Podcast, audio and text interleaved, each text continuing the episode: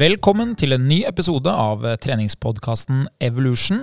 Vi eh, er jo her som kjent for å gjøre treningshverdagen din litt enklere. Og i dag skal vi eh, virkelig ta for oss noe som har vært eh, populært tidligere. Det har både vært populært i en tidligere episode av podkasten, men det har også vært veldig populært blant artiklene våre. Og det handler selvfølgelig om treningsmyter. Jeg pleier å si det at inne på et treningssenter så er det som regel viktigere hvem som sa det, enn hva som ble sagt. Så hvis du har en stor og sterk kompis, og han sier at eh, du, du bør gjøre dette, så er det som regel han du følger etter. Istedenfor å være kritisk og tenke hm, kan det være noe annet som er smartere, eller finnes det en annen årsak til at dette har fungert? Så vi skal se litt på det. Men uh, før vi går dit, så vil jeg gjerne ønske velkommen til den andre deltakeren i dagens podkast. Eh, Sindre Antonsen, velkommen. Takk skal du ha. Takk skal du ha. Du uh, ser jo skarp ut. Har høsten behandla deg bra?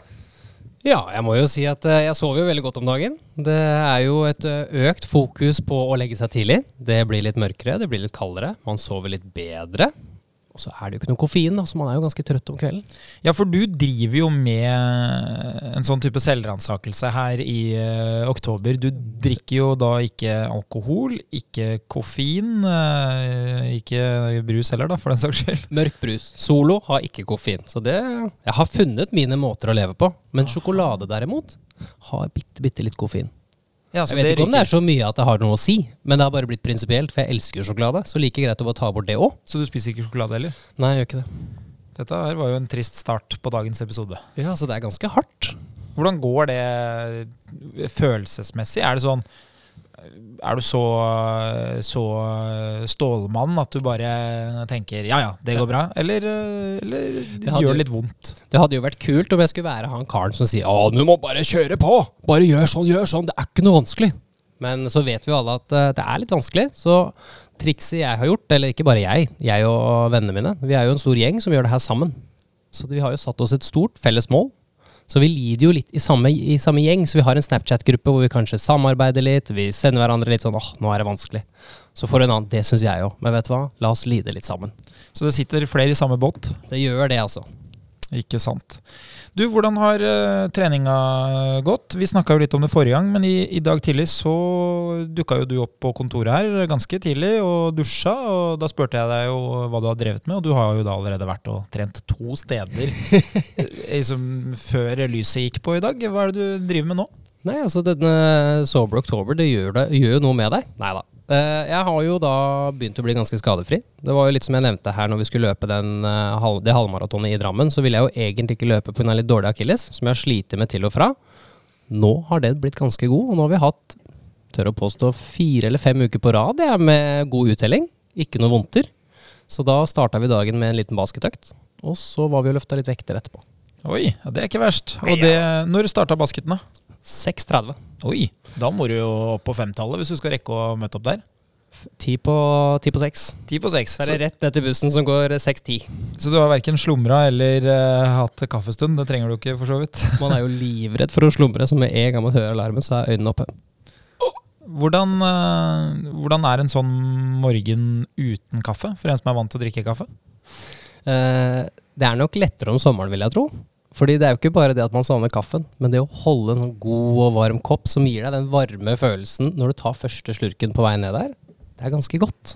Men driver ikke du med sånn kalde dusjer-prosjekt òg? Jo da, vi har valgt å prøve alt mulig som skal være litt utfordrende. Så vi starter jo, det gjør jeg ikke så tidlig. Det blir litt for tidlig. Jeg går bare rett ut i hallen. Jeg har allerede pakka klærne klare. Bagen ligger klar til både jobb og alt som skal være. Og så fyker jeg ut døren. Jeg anbefaler jo når du gjør det på morgenen, da, nå som det begynner å nærme seg null grader Hvis du da går i shorts og T-skjorte hjemmefra, så er du ganske våken etter ti minutter.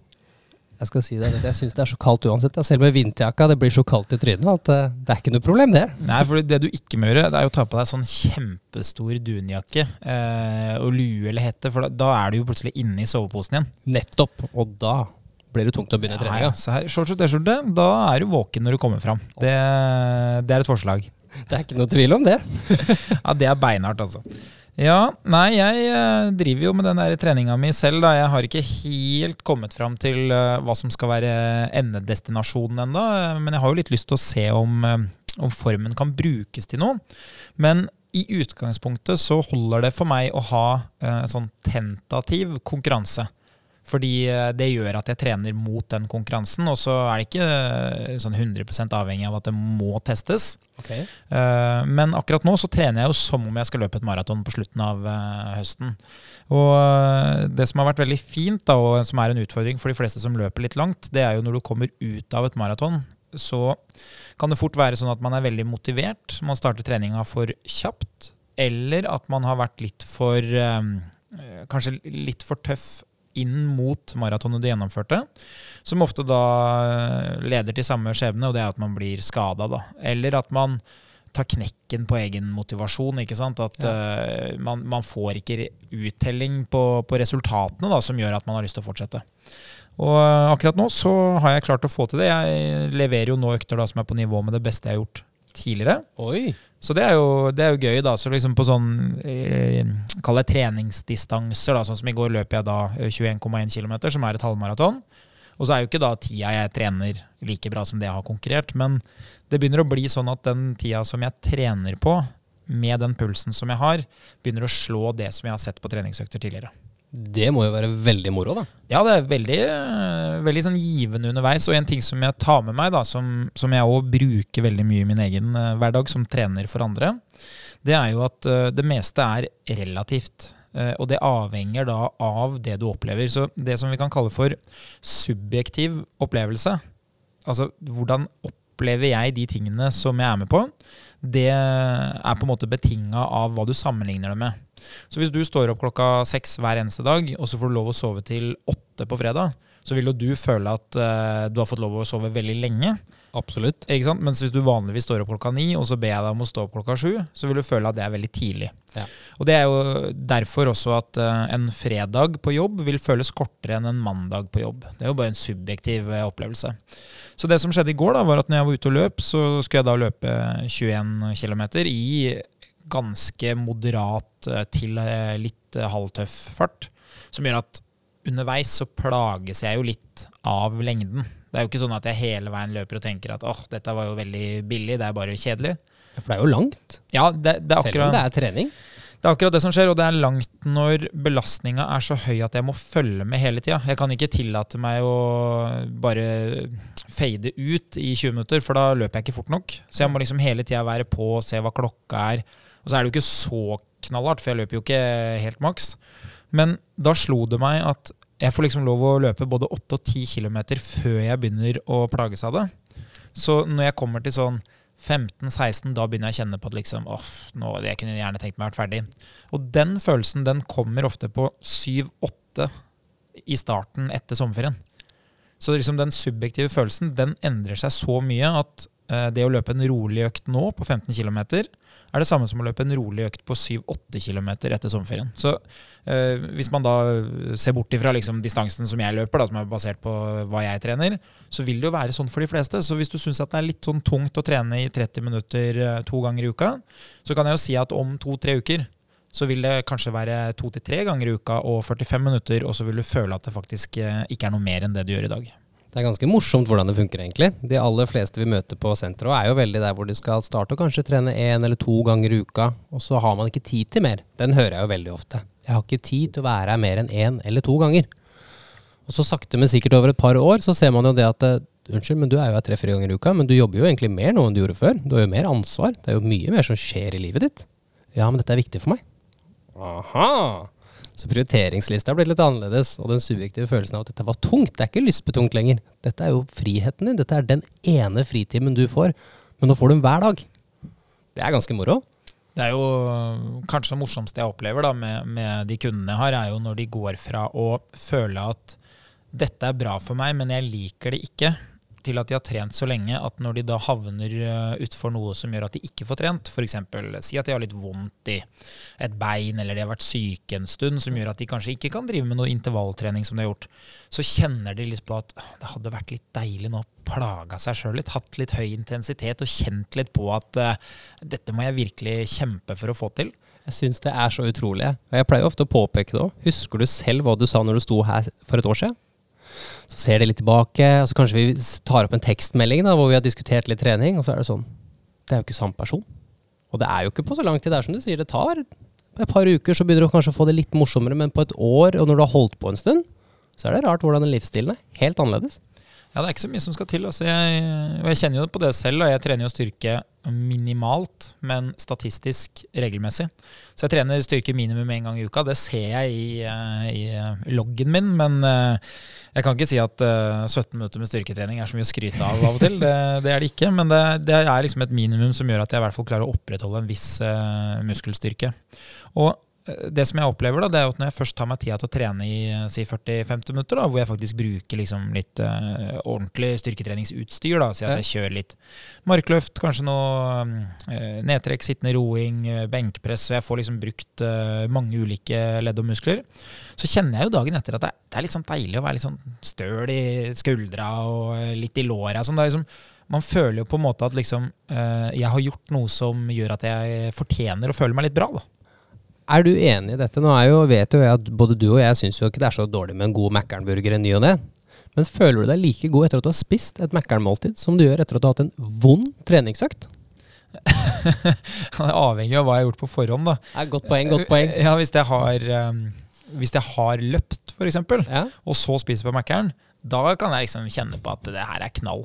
Men eh, hvis jeg spiste på Mækkern til lunsj, og så går de til middag, da føler jeg kanskje ikke det. Nei, og det er jo det som er litt morsomt, da, men det gir jo veldig sånn akkurat der og da, den første biten, den er jo helt fantastisk. Da føler man at å, dette var riktig. Men så er det ofte den følelsen, den ugne følelsen man får etterpå hvor, som du sier da, dette var lunsj. Jeg har middag etterpå. Det føles kanskje ikke så bra. Så er det jo rart med det da, at når du trener, så har du den ugne følelsen kanskje underveis. Til og med kanskje hele treningsøkta i starten. Men så får du en sånn god følelse etterpå. Du får litt endorfiner, det er kanskje litt mestringsfølelse involvert. Og så skjønner du at det var slit, men jeg har gjort noe riktig for meg selv. Du må ikke føle så mye, vet du. Det er da du blir trøbbel. Du må innta den maskinen. Eh, jeg valgte Mækkern, jeg spiser Mækkern, jeg er glad. Den er sterk! det er knallhardt. Du, Skal vi ta oss og se litt på de uh, mytene som vi har uh, funnet fram her, eller? Ja, la oss gjøre det.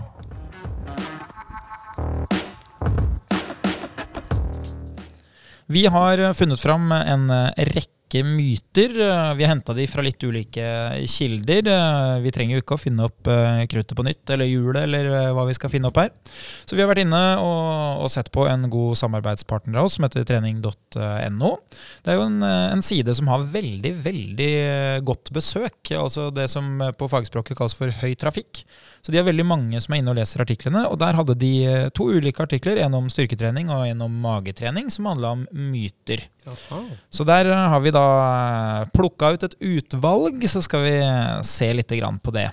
Så den første myten uh, som vi har her, det er du blir stor av å løfte tungt. Og det er jo styrketrening, da. Tung styrketrening det gjør at du blir svær. Du ser på meg nå, gjør du ikke det? Jo, jeg, jeg, prøver å se etter den storheten. Ja, for jeg trener jo egentlig ganske mye styrke. Ja, og tungt. Uh, ja, jeg trener veldig tungt. Jeg, holder meg sjeld jeg går sjelden over åtte repetisjoner og kjører heller flere sett. Og jeg kan jo, som du ser, da Det ser ikke ut som noe powerhouse, det her. Nei. Eh, du har jo mange gode egenskaper, men at du er veldig svær, er vel ingen av de? Nei, det kan jeg absolutt ikke på, uh, påta meg. Nei, og det samme gjelder jo for så vidt uh, for min egen del. Jeg trente jo styrke i veldig veldig mange år. Uh, sånn resultatmessig med 150 kg i benk, 150 kg i bøy og 200 kg i markløft. Da håper så, jeg du veide 100 kg og så litt ut som uh, Rocky. Ja, for det er jo poenget. At uh, resultatene tilsier jo at jeg skulle vært ganske svær. Ja, det tenker jeg òg. Uh, men jeg har fått til alt det uten legger, faktisk.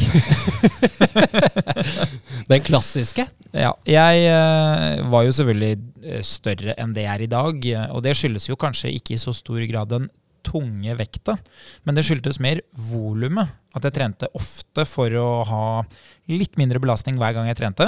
Og så var jeg jo yngre enn det jeg er i dag, hadde jo en timeplan som tillot meg å bruke mer tid på treningssenter. For det er jo mer tidseffektivt selvfølgelig å, å løpe og trene lite styrke. Det er ikke noe hemmelighet. Absolutt. Så, men jeg kan jo si det sånn at det er ingenting som tilsier at jeg er veldig stor. Og til de av dere som eh, lytter fast til den podkasten her, så hadde jo jeg et prosjekt gående inn mot sommeren nå. Hvor jeg da var tilbake på 120 i mark, 110 eh, i eh, benk og 100 kg i bøy. Og jeg vil jo ikke påstå at jeg blei så veldig stor. Jeg gikk jo kanskje opp en kilo eller to. Um, og i hovedsak så skyldes jo det at de musklene som jeg har, blir jo da trent så regelmessig at i en sånn forsvarsmekanisme for å tåle belastninga, så vil de da ta til seg mer væske, altså mer vann. For da kan de gjøre jobben bedre ved å transportere da eh, på en måte de næringsstoffene de trenger, og, og muskelen er da liksom mer klar for den harde belastninga som kommer. Så Sånn sett så går jeg jo litt opp i vekt, men eh, det er dessverre ikke noen langvarig effekt. Slutter du å trene styrke, så vil det vannet si at ok, men her trengs ikke vi, så da drar vi videre. Så vi kan vel si det at eh, du blir ikke veldig stor av å trene med tunge vekter det er bra for deg å trene med tunge vekter.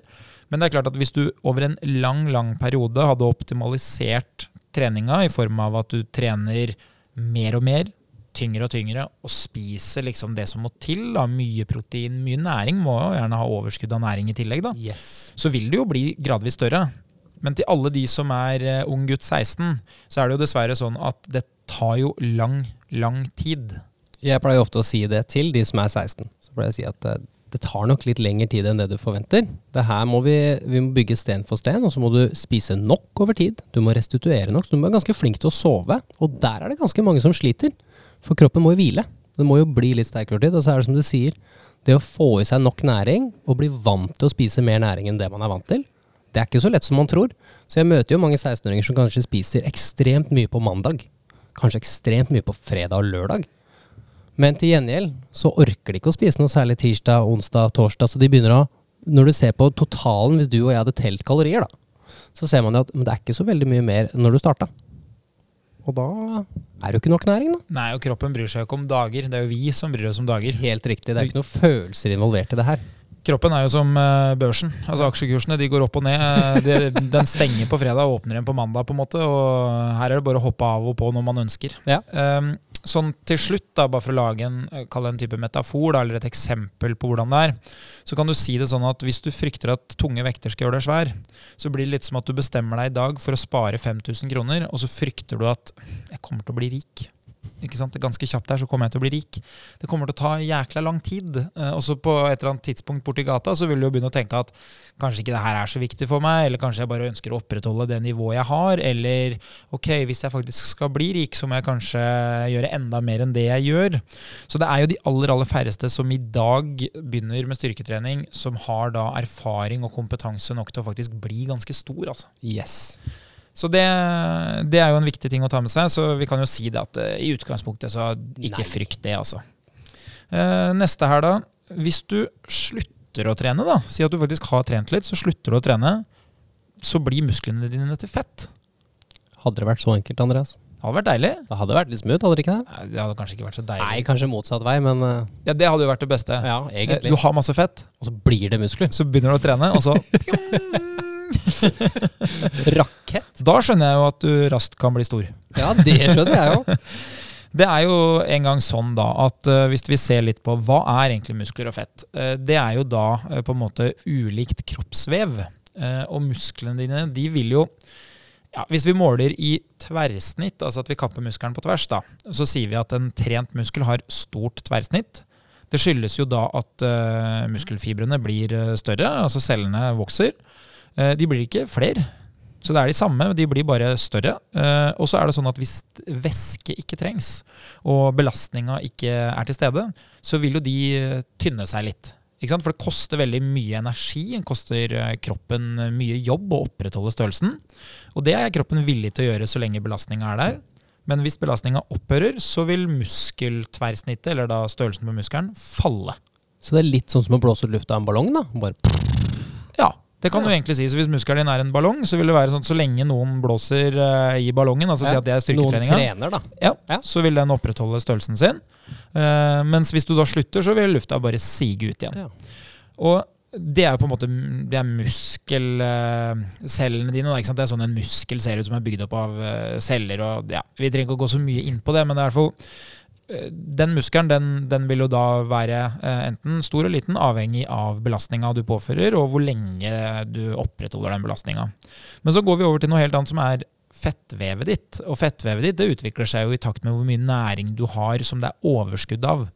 Så om du spiser gulrøtter, eller om du spiser eh, ja, si eh, potetgull, så vil det være sånn at hvis du spiser mer enn det du trenger, altså at du har flere kalorier enn en det som kroppen brukte opp, så vil det lagres som fett. Selv hvis jeg bare spiser salatblad og gulrøtter? Ja, ja, ja. Det eneste problemet ditt vil jo være at det vil ikke være så mye å lagre, da. For du må jo spise hinsides mengder. Så grunnen til at man kan si at det er smart å spise salat fremfor f.eks. å drikke olivenolje, da, som inneholder veldig mye høy grad av kalorier, eller som har høy tetthet av energi, da, Ja. vil jo bare være at du kommer ikke til å gidde å spise så mye salat at du får så mye overskudd. Men hvis olivenolje hadde smakt som eh, en kald øl da, på stranda, eh, hvis jeg kan bruke et eget eksempel her, så kunne jeg fått ned mye olivenolje, da, for å si det sånn. og hatt et hinsides overskudd. Hadde blitt stor da. Jeg hadde blitt stor, ja, men ikke musklene hadde kanskje ikke blitt så store. Men da, da utvikler du i hvert fall fettvev, og du får da eh, f- altså, eh, du, du får da rett og slett mer fett på kroppen, hvis vi kan si det sånn. Så det du sier da, er at vi får egentlig muskelsvinn. Man, når man slutter å trene, så mister man bare musklene. Det er ikke noe vits å ha så store muskler. Kroppen trenger det ikke. Så da sier den bare at dette arbeidet her, det har vi ikke noe behov for. Så du blir litt mindre. Men så spiser du et overskudd av mat, så fettvevet blir større, så du blir en større person. Ja. Og så kan man si det sånn at hvis man da reverserer det, da, si at man øh, våkner en dag og tenker nå begynner det nye livet, nå begynner jeg å trene. Så vil jo da musklene bli større fordi du påfører de belastning. Eh, ikke flere muskler, eh, ikke så stor endring i muskelcellene, men de blir da større i tverrsnitt. Og så hvis du da i en god periode ender opp med å bruke mer energi enn det du får inn, Si at du går for salatvarianten her, da. At du knasker salat, men du klarer ikke å knaske nok til at du dekker behovet ditt. Så vil jo da kroppen måtte begynne å ta av det som er lagra. Og det er jo fettvevet på kroppen. Så da vil fettvevet bli mindre. I i hvilken grad fettcellene blir borte, det, det er en litt dypere og mer avansert eh, ting som vi ikke trenger å gå inn på, men de blir veldig mye mindre da, ikke sant. Så det blir mindre fettvev på kroppen. Ja. Så i utgangspunktet så kan man si det at man kan jo da styre størrelsen på eh, fett og muskler, avhengig av hva man gjør. Men det er ikke sånn at musklene blir fett.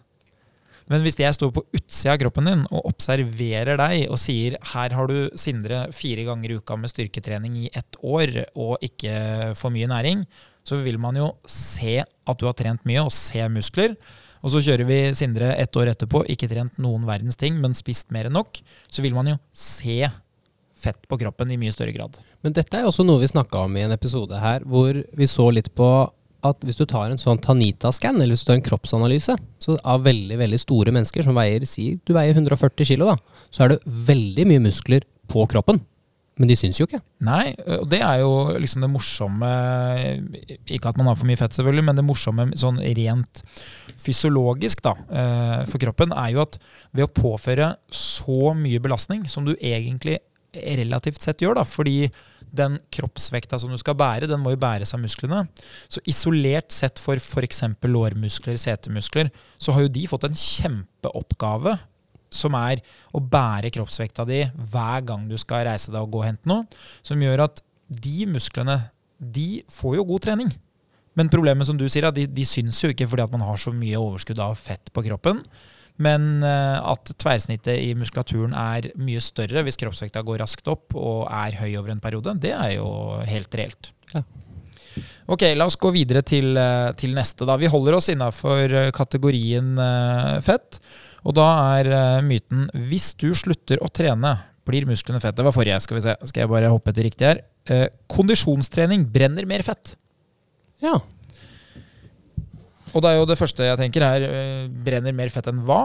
Eh, og da vil jo jeg tro at tanken her er brenner mer fett enn styrketrening. Jeg tipper jo også det. Det er jo ofte de som blir veid opp mot hverandre uansett. Ja. Så det som eh, vi kan si der, da, det er jo at ved å gjøre noe, altså ved at kroppen må gjøre et stykke arbeid, om det er å vaske vinduer, om det er å gå til bussen, eller om det er å løfte vekter eller løpe, så bruker kroppen mer energi enn om du ikke gjør det. Mm. Og det er jo fordi at eh, ved at leddene skal da bøyes, som gjøres av muskulaturen, så må muskulaturen eh, rett og slett skape kraft, og det gjøres gjennom å bruke energi. Og hvis du da velger mellom styrketrening og kondisjonstrening, og for å gjøre det enkelt, da, så sier vi da kondisjonstrening, da kan vi godt si sammenhengende løping. Og styrketrening, da kan vi godt si lange pauser, muskelarbeid. For det går jo an å lage hybrider her. Eh, Absolutt. sant? Du kunne jo sagt gå tur rolig. Ja, sirkeltrening kunne du sagt. Sirkeltrening så hadde du jo vært kanskje på et sted hvor, hvor vi er veldig nærme hverandre. da. Ja, lettere å spre, separere det litt. Ja. Og da vil det være sånn at hvis du trener kondisjon, så vil du holde jevnt høy intensitet, som gjør at du kan da bruke mye oksygen sammenhengende over en lang periode, som vi vet er veldig energikrevende. Og kroppen bruker da mm, kaloriene sine på å gjøre jobben. Og så trenger vi oksygen for å kunne skape den energiutviklinga. Så den høyeste metoden for å bruke energi, altså det, der du bruker mest energi, det er jo gjerne der hvor du kan gjøre arbeidet billig. Altså du har god teknikk, og, og kroppen er vant til å gjøre jobben. eh, Og du kan holde høy intensitet lenge. Og for de aller, aller fleste så er det løping. For det er noe vi har øvd på hele livet. eh, Og vi er liksom designa veldig gunstig for å løpe. Vi har store muskler i beina. Litt lav vekt eh, fra midja opp for de fleste, eller for, for hvert fall de som, de som er i stand til å løpe. Og da er det jo sånn at uh, der bruker man mye, mye energi. Men styrketrening det er veldig energikrevende når du gjør øvelsen. Men hva gjør du imellom øvelsene når du styrketrener i tung styrke, Sindre? Jeg vil jo tørre å påstå at de første 30 sekundene så revurderer jeg hva jeg driver med. For da er jeg ganske sliten. Det er ganske tungt, og det er ganske vondt. Og så begynner man jo sakte, men sikkert å komme seg inn, og da har det gått ett minutt. Og så begynner jeg å se litt på ok, hvordan skal jeg ta neste sett, ok, og så begynner jeg kanskje å legge på litt vekt, eller ta av litt vekt, og så har det plutselig gått en tre-fire minutter, altså. Hva, hva skjer med den subjektive opplevelsen din? Altså Hvis du skal sammenligne, hvis jeg stopper deg åtte sekunder etter du er ferdig, hva føler du nå? Ja. så stiller jeg deg spørsmålet tre minutter etterpå, hva føler du nå? Hva er forskjellen i liksom fysisk opplevelse? Dag og natt. Det føles ut som at jeg, altså jeg er klar igjen. Det føles jo ikke ut som at jeg tok det forrige sett som var så tungt at jeg måtte revurdere hele økta. Man er jo helt klar. Ikke sant? Og, og det samme ser man jo hvis man uh, hadde målt da hvor mye oksygen du bruker. Ja. Man kunne også brukt uh, pulsmåling, selv om det ikke er så relevant til styrketrening. Så, så er jo det ofte et uh, intensitetsmål, og da kan man jo se at det å gjøre styrketreningsjobben er veldig tung, men det å ha pause er veldig lett. Det er egentlig det vi ser da. Og det som skjer da når du trener styrke, det er at selv om jobben er veldig tung, så er den for tung til å holde på sammenhengende, men den er for lett til at eh, de få intensive periodene skaper en total som på en måte slår eh, jevnt hard intensitet i kondisjonstrening. Men det er noe jeg opplever med mange av kundene mine i starten. Hvis man ønsker, eller mange som har vært kunder også, som ønsker å gå ned i vekt, og så begynner de med styrketrening. Så sier de nå trener jeg styrke fire ganger i uka, men jeg går ikke ned i vekt. Og så er det sånn, ja, men hvor mange minutter trener vi når vi trener styrke? Fordi, som vi sier her, da, hvor lang tid bruker du på, hvis du skal gjette, Andreas, ti repetisjoner med en knebøy? Ja, jeg, har- jeg har tatt mye tida på meg sjøl, for jeg syns det er interessant. Men uh, hvis du har veldig god teknikk, og det ikke er for tungt, Ja. så kanskje ned mot 30 sekunder. Ja. Mens hvis det sier at du liksom har trent i 10-15 uker, da, og dette her er eh, det aller tyngste du får til, eh, og du er god til å få det til, så kanskje du er på vei opp mot et minutt, nesten. For da begynner du jo å stjele litt pausetid pausetid underveis i serien. Så da bruker du fort ett minutt da, på å gjennomføre øvelsen, men så bruker du tre-fire kanskje på å hente deg inn. Noen bruker jo to, men altså alt ettersom. Mm. Så si at du bruker tre minutter da, på å hente deg inn. Ja. Så for hvert sett du gjør, så har du brukt ett minutt, så har du hatt tre minutter pause. Ja, Så du trener et kvarter på en time, da. Ja. Det var Kjapp regning, det Ja, der. ja, ja, ja. Ikke dumt. Nei, så det viser liksom bare Og det er klart at du får jo da brukt mye energi i det kvarteret. Og si at du bruker eh, også litt energi på å rydde opp i kroppen etter at du har gjort det. da. Så du kan godt si at du har 30 minutter, da. Ja, ok. Men, men, det, men det viser liksom bare eh, forskjellen. Og så er det én ting som er viktig å ta med her, da. Og det er jo da at det å trene styrke, det skaper veldig god utvikling på muskulaturen. Så det må man gjøre. Det er veldig dumt å isolere det her til et spørsmål om hva brenner mest fett. Ja. Fordi på sikt så vil jo styrketreninga sørge for at du har aktiv eh, muskelmasse, kanskje litt mer muskler, som igjen skaper høyere hvileforbrenning. Så sånn sett på sikt så vil jo styrketrening være en bedre investering. Mens akkurat i dag så vil kondisjonstrening sørge for at du får høyere forbrenning i dagens økt. Så ingen hemmelighet er at svaret er kombinasjon. Men isolert sett så vil det være kondisjonstrening som vinner. Så hvis vi setter opp en konkurranse, deg og meg imellom, og du har lyst til å vedde penger på hvem som uh, bruker mest kalorier i dagens økt, så må du ikke velge styrketrening. På ingen måte. Nei. Men uh, hvis målet ditt er å bli sterkere på sikt og få høyere hvileforbrenning, så må du uh, gjerne velge styrketrening. Det er fornuftig. Helt enig. Så kombinasjon er riktig svar der, da. Ok, vi holder oss til styrketrening. Eh, Neste myte her er tung styrketrening gjør deg tung. Ja. Nå fortalte jo du meg akkurat vekta di i stad, Andreas. Og så kan jo jeg meddele at eh, du og jeg vil veie tilsvarende det samme. Jeg veide meg her om dagen, og da lå jeg vel på en sånn 78-79 kilo. Eh, og jeg trener vel vesentlig mye tyngre og mer styrke enn det du gjør. Definitivt. Det skal ikke så mye til å slå 17 minutter og 30 sekunder med styrketrening. Og det er jo akkurat det. Det er, eh, det, er, et par ting som henger med det med styrketrening. Det er Én var gjort før. Så jeg lider nok av at jeg har trent mye styrke før, sånn vektmessig. Eh, Det er vanskelig å få på seg musklene, men det er nesten umulig å få de av seg. Eh, Og det er jo en av grunnene til at hvis du, hvis du tenker at du skal hete Jakob Ingebrigtsen og bli olympisk mester på 1500 meter, så bør du kanskje ikke ha en åtte til ti års karriere med benkbøy og mark. For det blir veldig vanskelig å gjøre noe med de musklene som en gang har husket det. Selv om trener du lite styrke, så vil jo musklene bli mindre, men, men de vil alltid på en måte ha et minne om hva du gjorde, og, og de vil raskere kunne komme seg tilbake. Men som du poengterer, da, differansen mellom oss er liten, selv om du trener tung styrke og jeg ikke gjør det. Og, og grunnen til det er jo også at selv om du trener tung styrke, så får du ikke så veldig stor avkastning i form av antall kilo muskler. Du må trene lenge og mye for at det skal begynne å bli liksom flere kilo differanse mellom oss. Jeg tror den største differansen jeg har opplevd selv i livet, da, var jo da når jeg trente ekstremt mye styrke, og en periode hvor jeg løp og ikke trente styrke på et halvt år. Og den differansen tror jeg er åtte kilo i muskelmasse. Det hørtes ganske riktig ut med meg også, faktisk. Når jeg rød korsbåndet, så var det ikke noe løping. Men man var jo på sats og trente allikevel, eller et eller annet treningssenter. Og det var jo det eneste man gjorde. Ja, ikke sant? Og da kan vi også si at det er jo en periode hvor vi virkelig har brukt all kompetanse eh, og bedt om at differansen skal være så stor som mulig. Og den er jo egentlig ganske liten. Egentlig. Så det vi kan si, da, det er jo at styrketrening gjør deg jo tyngre enn å ikke styrketrene, fordi muskulaturen din tar til seg væske. Muskler veier da litt mer enn eh, fett. Så hvis du da tar f.eks. si volumet av en mengde fett og volumet av en mengde muskel Så hvis ikke jeg husker sånn helt feil, så vil jo da differansen være ca. 40% Ja. Hvis ikke jeg tar Det eh, tror jeg ikke er så Det tror jeg stemmer. Ja. Så hvis du liksom har volumet av eh, eh, si én kilo muskel, da, og så skal du ha det samme volumet av fett, så ville det veid 600 gram. Ja. Så det gjør jo selvfølgelig da at eh, Skal vi se nå Nei, motsatt. Andre veien. Så, så musklene veier mye mer enn fett. Men poenget, da, eh, det må bli motsatt, hvis ikke så blir det helt krøll her, det er at eh, størrelsen på musklene er mye, mye mindre enn fettvevet.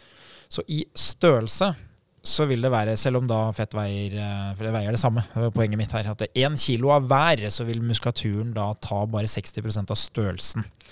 Så hvis du da har en kroppsvekt på 80 kilo og begynner å trene råmye styrketrening, og du da begynner å gå ned i fettmasse, men du kompenserer med at styrketreninga gjør at du øker muskelmassen din, så vil du jo bli mindre, selv om du veier det samme.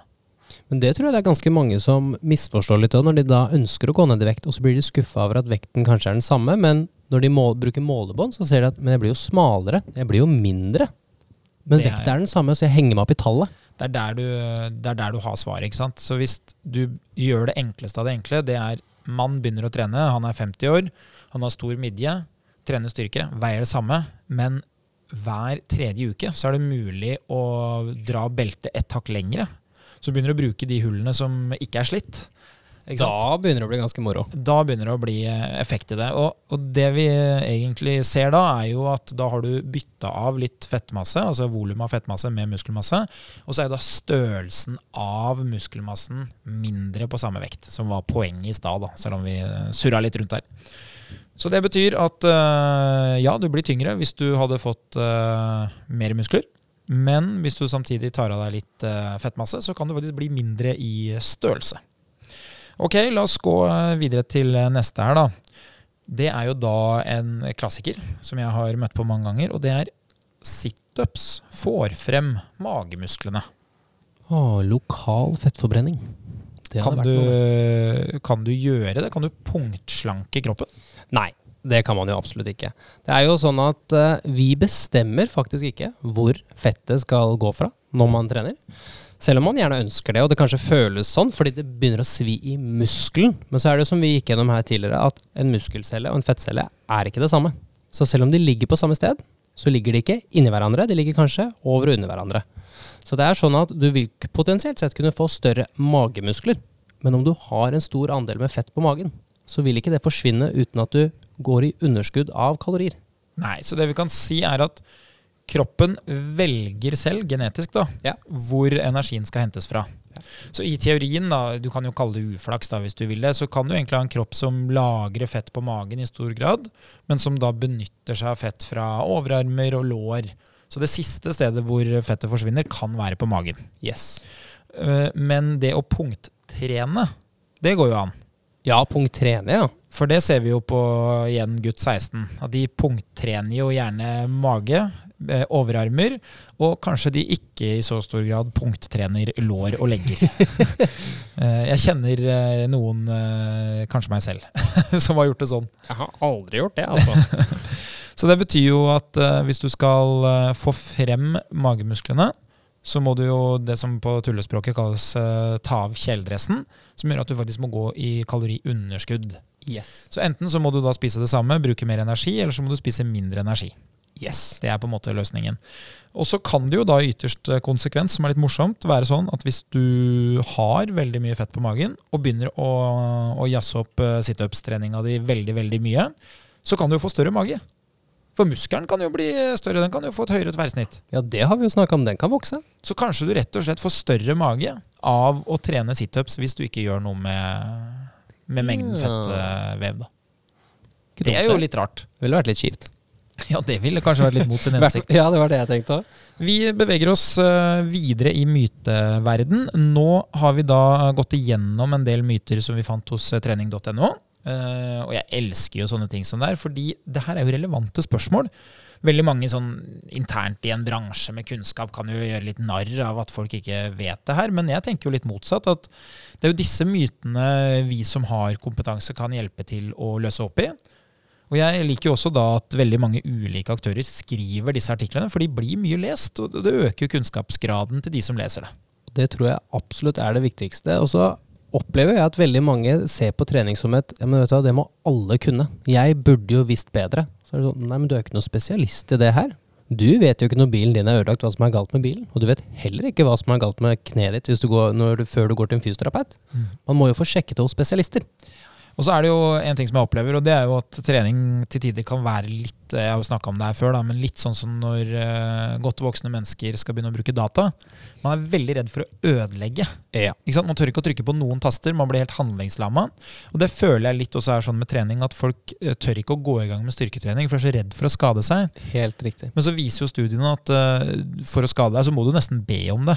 Eh, hvis ikke så er det tilfeldig om du skader deg eller ikke. Så så lenge ikke du har overdreven belastning eh, for ofte, som særdeles sjelden er problemet. Altså det er for lav belastning eh, for sjelden som er problemet. Absolutt. Så eh, vi skal se litt da på myter her fra vektklubben.no. En meget god side for de som da ønsker å vite litt mer om trening, men mest av alt eh, mer om vektreduksjon. Det er jo da VG sin egen eh, side. Der er det mange dyktige mennesker som eh, er inne og, og legger ut uh, treningsfaglig kompetanse og kostholdskompetanse.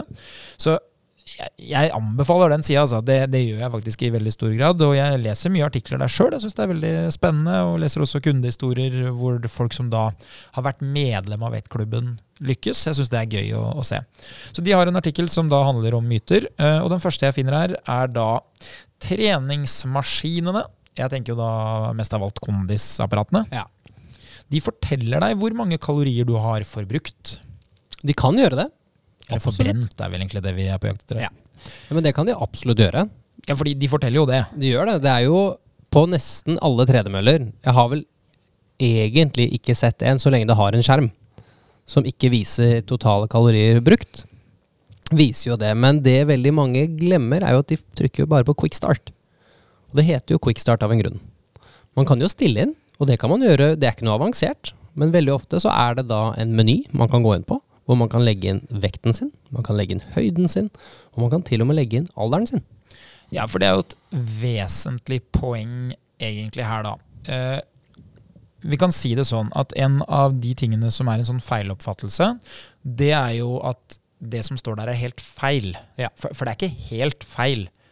Eh, og så er det heller ikke helt riktig. Nettopp. Men hvis man da starter liksom eh, med det aller aller enkleste, så er det sånn at hvis man gjør studier av en stor gruppe mennesker som f.eks. løper på samme hastighet, så kan man si at det krever en viss mengde oksygen fordelt på antall kilo som skal flytte seg. Så hvis du hiver 100 mennesker på et løpebånd, og de skal løpe flatt på 10 km i timen, og så eh, tar du hensyn til ulikheten i kroppsvekt, så kan du si at det koster ganske det samme per kilo som da skal flytte seg framover. Variabelen mellom de 100 menneskene, det er eh, Ja, det får du svar fra Siri, faktisk. Følger med. Eh, Variabelen mellom de menneskene, det er arbeidsøkonomi, altså teknikk. Og den har jo en, en viss prosentvis forskjell mellom en som er veldig god til å løpe, og en som aldri har gjort det. Absolutt. Men den er ikke enorm. Nei. Så vi kan begynne å si da at hvis du bruker sånne typer studier og legger de til grunn, så kan et apparat egentlig angi ganske bra forskjellen. Og det vil du se på at hvis du da sier eh, sykkel skal vise hva eh, mann på 80 kg bruker når han sykler i denne farten, og eh, eh, mølle skal bruke da 80 kg det også, og så skal det vise hva jeg har forbrent på mann eh, med samme vekt, så vil de vise individuelt ganske lik forskjell. Løping bruker mer energi enn sykkel. ikke sant? Det vil de vise. Men så er det som du sier, da, de fleste trykker bare på quickstart. Så da, da røyk eh, både da kroppsvekta mi, som er kanskje det viktigste parameteret her. Så i en liten grad kjønn, eh, som ikke er så viktig, det er kroppsvekt er på en måte det viktigste. Mm. Og så arbeidsøkonomi er jo helt uh, ute, ikke sant? Ja. Og Derfor så får du da avvik. Avvikene kan jo da være ganske store. Og så får du noen andre avvik som også er til stede. Og det er jo avviket som går på apparatets kalibrering opp mot hva som er reelt. Yes. For å gjøre det veldig enkelt, så kan jeg si da at hvis du løper på en mølle inne, så kan det godt hende at det står på displayet at du løper 10 km i timen, men den reelle energien som kreves for å henge med båndet, kanskje egentlig sånn reelt sett tilsvarer bare 9 km i timen.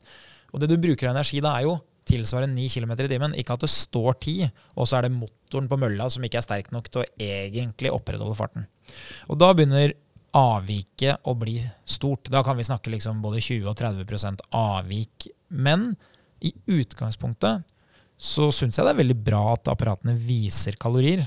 For det fins jo en enkel måte du kan bruke det på. Og det er jo hvis du bruker samme apparat med samme innstilling hver gang. Så vil du jo se forskjellen. Og det er jo akkurat noe som vekta, det. Hvor mange vekter er det som egentlig gir deg det nøyaktige tallet? Spesielt hvis du går på klokka sju på kvelden, rett etter du har spist, og så går du på, på lunsj den andre dagen, og så tar du til frokost dagen etter. Det vil gi deg ganske mange forskjellige tall. Ja, eh, jeg veier meg jo hver uke når jeg løper sånn som nå, for å prøve å liksom få eh, kroppsvekta litt grann ned. Ja. Eh, og for å ha kontroll på at jeg ikke plutselig går veldig mye opp i vekt. For jeg, har ikke så kontroll på kostholdet. Så det er jo et flytende kosthold. Men jeg prøver liksom å ta noen gode avgjørelser med å holde igjen litt på godis i helgene, og, kanskje systematisere det med å spise ganske lik frokost og sånn. Og da er det jo sånn at over en lang periode så vil du se en veldig grei utvikling. ikke sant? Da, den ljuger ikke. Eh, Hvis du måler deg hver eh, tirsdag i ti uker, så du får ikke juksa til det. Men individuelt for hver uke så kan jeg jo jukse. Ja. Ikke sant? I går løp jeg da 21 km. Det er klart jeg veier jo mye mindre i dag tidlig hvis jeg ikke spiste noe etter det og ikke har drikket nok vann. Kontra hvis jeg i går kveld ikke gjorde noen verdens ting, men spiste middag før jeg gikk og la meg. Så det, det vil jo være individuelle forskjeller på hver veiing, men vekta i seg selv vil ikke være så viktig, for det er jo differansen mellom første og siste veiing som egentlig er viktig for meg. Og det tror jeg er det mange undervurderer. Vi lever veldig fra uke til uke, men så er det som du har nevnt det tidligere her, at det er ikke sånn kroppen funker. Den teller ikke mandag til søndag. Den bare klokker, den bare tikker, den. Tikker og går, tikker og går. Så det er jo viktig å se hvordan trenden er over tid. Er den negativ, eller er den positiv?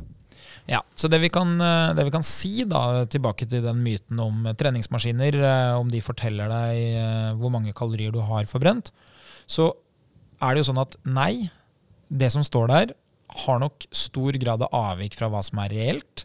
Så hvis du skal bruke det i vektreduksjon og inn i en plan med mat og sånn, kanskje ikke det beste parameteret. Men hvis du skal bruke det fra gang til gang for å se om du blir bedre 30 minutter, 350 kalorier. 30 minutter om fire uker, 415 kalorier. Da har du gjort noe som er tyngre. Yes. Det kan jeg garantere. Ok, neste. Kvinner bør ikke trene styrke, for de blir maskuline. Nå er det jo sånn at både du og jeg vi jobber jo på et treningssenter hvor det jobber sånne fitnessutøvere. De trener jo veldig mye ved styrke. Ja, de trener jo mye styrke. Det er jo eh, på en måte forhåpentligvis litt av planen deres når de skal Ja. delta i eh, noe som skal måles basert på styrke. Og i enkelte av de øvelsene deres så er jo de sterkere enn meg. Ja, De skal jo faktisk ikke måles i styrke, da, men de skal Nei. måles i utseende Helt- basert ja, på Det er jo ve veldig viktig å påpeke her. Men poenget er jo egentlig bare at de er sterkere enn meg i enkelte øvelser, men de veier vel en Nå vet jeg ikke vekta, men jeg tipper 20-30 kilo mindre enn meg. Og deg. Ja, jeg vil jo kanskje ikke påstå heller at de er veldig maskuline, altså selv om de trener mye styrke. På ingen måte.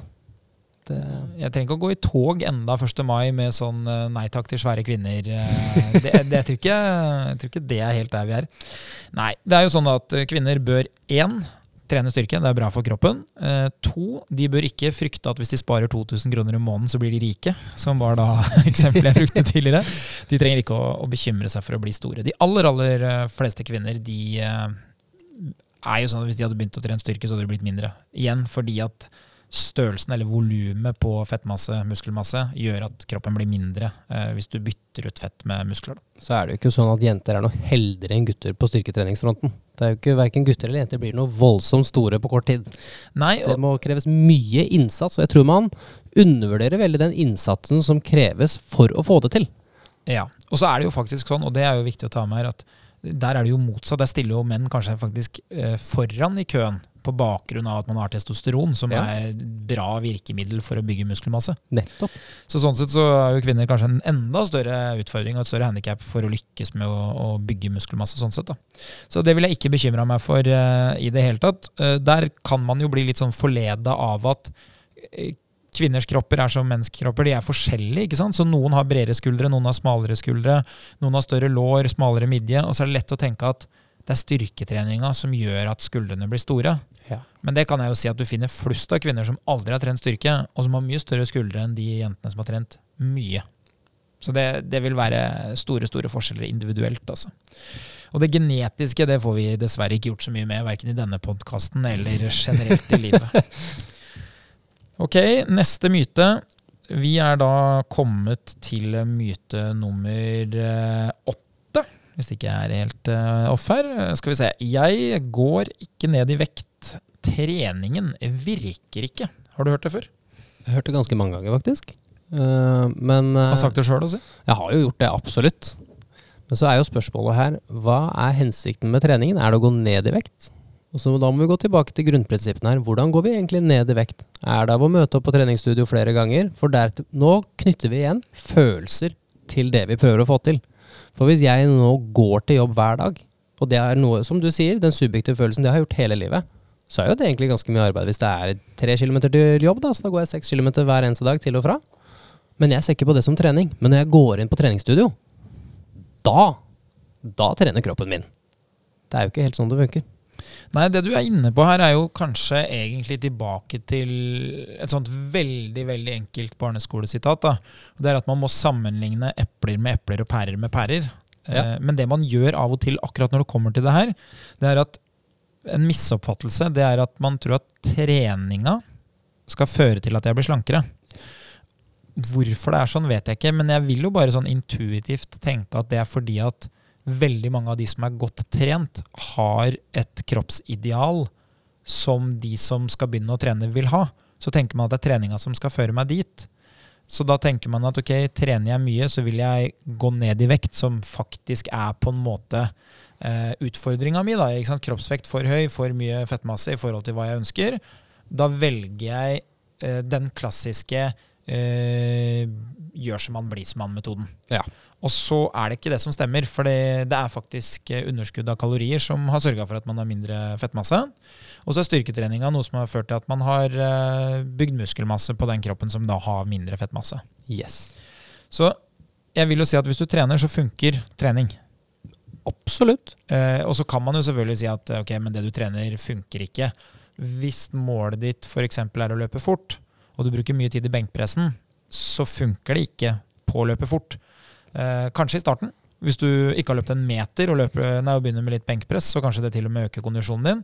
Men etter hvert så vil man jo se at det funker ikke. Men eh, når det kommer til kroppsvekt, så det å måle treningsfremgang i kroppsvekt, det er jo et veldig dårlig forslag, egentlig. Det ville nok skuffa mange. Ja. Så du må måle det du driver med. Pærer med pærer og Epler med epler. Eple med epler. Det er ikke så dumt. Ok, nummer ni. Du forbrenner mer fett på lav intensitet. Det er jo en myte som veldig mange er kjent med. Uh, og jeg tror man heller skal se man, Det kommer nok litt fra bodybuilder-miljøet, vil jeg tro. Uh, og det er nok flere grunner til at det kommer derfra. En bodybuilder har ikke et ønske om å løpe så mye, for løper du mye, så krever det arbeid. Og det er et arbeid som ikke øker muskelmassen til en som har usedvanlig høy muskelmasse fra før. Så det er jo da en grunn for at de velger å gå, og det er for å ikke slite muskelen. For de skal jo helst trene ganske mye. For de har ofte et høyt treningsvolum. Og da er det sånn at når du går, så brenner du en større andel er fett. Men det er jo som du nevnte her i stad, det handler om distanse. Hvor langt er det vi kommer? Det er et veldig veldig godt poeng det du nevner der. fordi hvis vi sier at uh, fordelinga på lav intensitet er 70-30, den, den, er enda lavere, den kan nesten være 100% som kommer fra, uh, fra fetta ikke sant? Som, ja. som, drivstoff. da.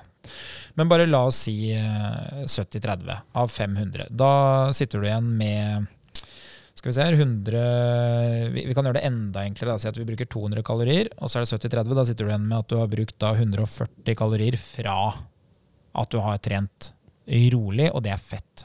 Da har du 140 kalorier som kommer fra fettcellene dine. Men så sier vi da at du gasser på litt, da, ikke sant? Uh, og så um, bruker du da 400, og så flytter du det til uh, ja, si 50-50, da. Ikke sant? Så det er 50-50 fra om det er karbohydrat eller fett. Da er du plutselig på 200 kalorier fra fett. Så selv om du da flytta prosentvis andel fra 70 ned til 50, så fikk du jo et uttak på hele 60 kalorier mer ved å øke intensiteten. Og så vil det jo være sånn at Hvis du da gir bånn gass, så vil du jo nesten ikke bruke uh, fettceller i starten, fordi, uh, altså, eller uh, fett som næringsstoff da, i starten, fordi at kroppen trenger karbohydrat. Fordi forbrenninga er så høy og det går så fort inn i kroppen. Men det som egentlig blir resultatet her på sikt, da, det er jo at alle er et offer for at det er inntak mot forbruk som er mattestykket. Så vi kan godt si det sånn at ja, ja forbrenninga mi kommer fra fett, men når jeg skal spise etterpå, så vil alt det jeg spiser mer enn det jeg trenger, det vil lagre seg som fett uansett. Så det er jo det totale regnskapet som er viktig. Så det du sier, da, det er at vi har da surra det litt til. Vi har da tatt eh, fordelinga mellom fett- og karbohydratforbrenning på den ene sida, og så har vi da surra det litt borti at eh, en del som trener mye styrke, sier at man må da ikke løpe. Og det handler jo igjen om, som du sa, at man vil jo ikke slite ut kroppen. Nei, man vil jo bygge muskulatur. Ja, ja, så det er jo billigere å gå enn å løpe hvis du etterpå skal trene tung styrke. Nettopp. Så det, det er liksom grunnen. Så vi kan jo da si det sånn at øh, ja, du forbrenner en prosentvis høyere andel fett på lav intensitet sammenligna med høy intensitet. Men summen fett du forbrenner, vil være høyere om intensiteten er høyere. Og så tenker jeg igjen da at effekten av å kanskje ta på hastigheten vil jo gi deg noen flere bonuseffekter ved siden av. Der er jo du et prakteksempel. Meget bra poeng. Ikke at det er prakteksempelet. Det Nei, men jeg, jeg tenkte men... egentlig litt mer ja, du kan få det nå. Takk. Men veldig på, litt som du nevner, da, at nå er du i stand til å løpe 10 km uten at det er surt. Ja, for det er jo poenget her. At hvis du velger høy intensitet, så vil du bli bedre i fremtida. Og det er jo igjen, Hvis du velger styrketrening, så vil du jo ha høyere hvileforbrenning på sikt, men i dagens økt forbrenner mindre. Så det er klart at ved å velge da god trening for å bli bedre, så vil du på sikt kunne få et mye høyere potensial. Så det å gå sakte i dag vil jo skape lav belastning og høy fett eh, prosentvis andel forbrenning, men på sikt være lite gunstig. Nettopp. Så det kan man ta med seg. Ok, vi har kommet til uh, nummer ti i dagens uh, siste oi, myte. Oi, oi. Begynner å nærme seg lunsj her for oss òg, faktisk. Å, det gleder jeg meg til. Vært mye forbrenning her, så kanskje vi må ha noe inntak. Ok. Den øh, Om øh, ikke den forrige øh, Altså, de som jeg liksom har hørt, er jo ned i vekt med trening og kvinner blir store. Det er jo liksom sånne klassikere. fettforbrenning på lav intensitet er også en sånn klassiker. Og så kommer da pri 1 her, og det er uttøying minsker risikoen for skader. Tøyer du? Jeg tøyer. Men Jeg tror man tenker veldig at ok, hvis jeg tøyer masse, så tåler muskelen min disse typer bevegelsene. Og det er ikke helt derfor jeg tøyer, det er mer for å være i stand til å være ute i de bevegelsene som er kravet når jeg spiller basket. Ja, For det er ikke for å få lange, slanke muskler? Nei, på ingen måte. Den muskelen den er festa på ett punkt, og den har et utspring på et annet punkt, og det kan jeg ikke gjøre så voldsomt mye med. Nei, Så den blir ikke lengre og slankere? Nei. Ikke rolig styrketrening heller? I wish. Nei, men det, jeg er jo et prakteksempel på det. Når jeg begynte å plukke opp litt basket igjen, så fikk jeg ganske mye strekk. Men jeg var jo stiv som en stokk. Men når du spiller basket, det er jo noe som litt sånn tilbake til at det er noe man har gjort hele livet. Eller jeg har gjort det hele livet. Så når jeg beveger meg, så tenker jeg ikke så mye over det jeg gjør. Men så kan det hende at jeg beveger meg ut i et plan, eller ut i en håper å si at jeg kanskje strekker beinet litt lenger enn det jeg egentlig gjør noen andre steder i hverdagen. Så kroppen er jo ikke vant til dette arbeidet. Og derfor har det skjedd. I dag er jeg litt mykere. Så når jeg beveger meg ut i forskjellige posisjoner, så tåler jeg det, for det er noe jeg er vant til. Ja, Så hvis du sier at eh, jeg sentrer til deg, da er jeg ganske dårlig til å sentre. Ja. Så da, eh, hvis jeg kaster den 3-4 cm lenger ut fra kroppen din, så at Ja. du må da få full strekk i brystmuskelen over skuldra, Ja. så ville du, hvis du hadde tøyd litt, kunne ha nådd den ballen Yes. Hvis du da eh, hadde prioritert det. Mens hvis du ikke tøyer, så nådde du ikke den, for du har ikke lov til å ha den vandringa i skulderleddet. da. Nei, men med motivasjon så klarer du å gjøre alt Du gjør det hvis du absolutt vil. Ikke sant? Nei, men Det er et godt poeng. Så Vi kan jo si da på generelt grunnlag at det er ikke noe sammenheng mellom tøying og skader, men vi ser jo at hvis du har god bevegelighet, så vil du jo på en måte ha lavere belastning en del eh, ulike bevegelser som kan oppstå i den uh, idretten du driver med, eller den sporten du driver med. Ja. Så det er jo klart, hvis du driver med jeg- vil jo tippe at hvis du driver med kickboksing, da Hvis du har sendt meg på kickboksing, så ville jo da begge. ja, så ville jo lysken hos meg kommet til å fått en kjempebelastning fordi at den har så lav bevegelighet. Ja. Mens hvis det hadde vært mye mykere, så kunne jeg løfta beinet høyere når jeg sparker uten å fått den belastninga. Nettopp.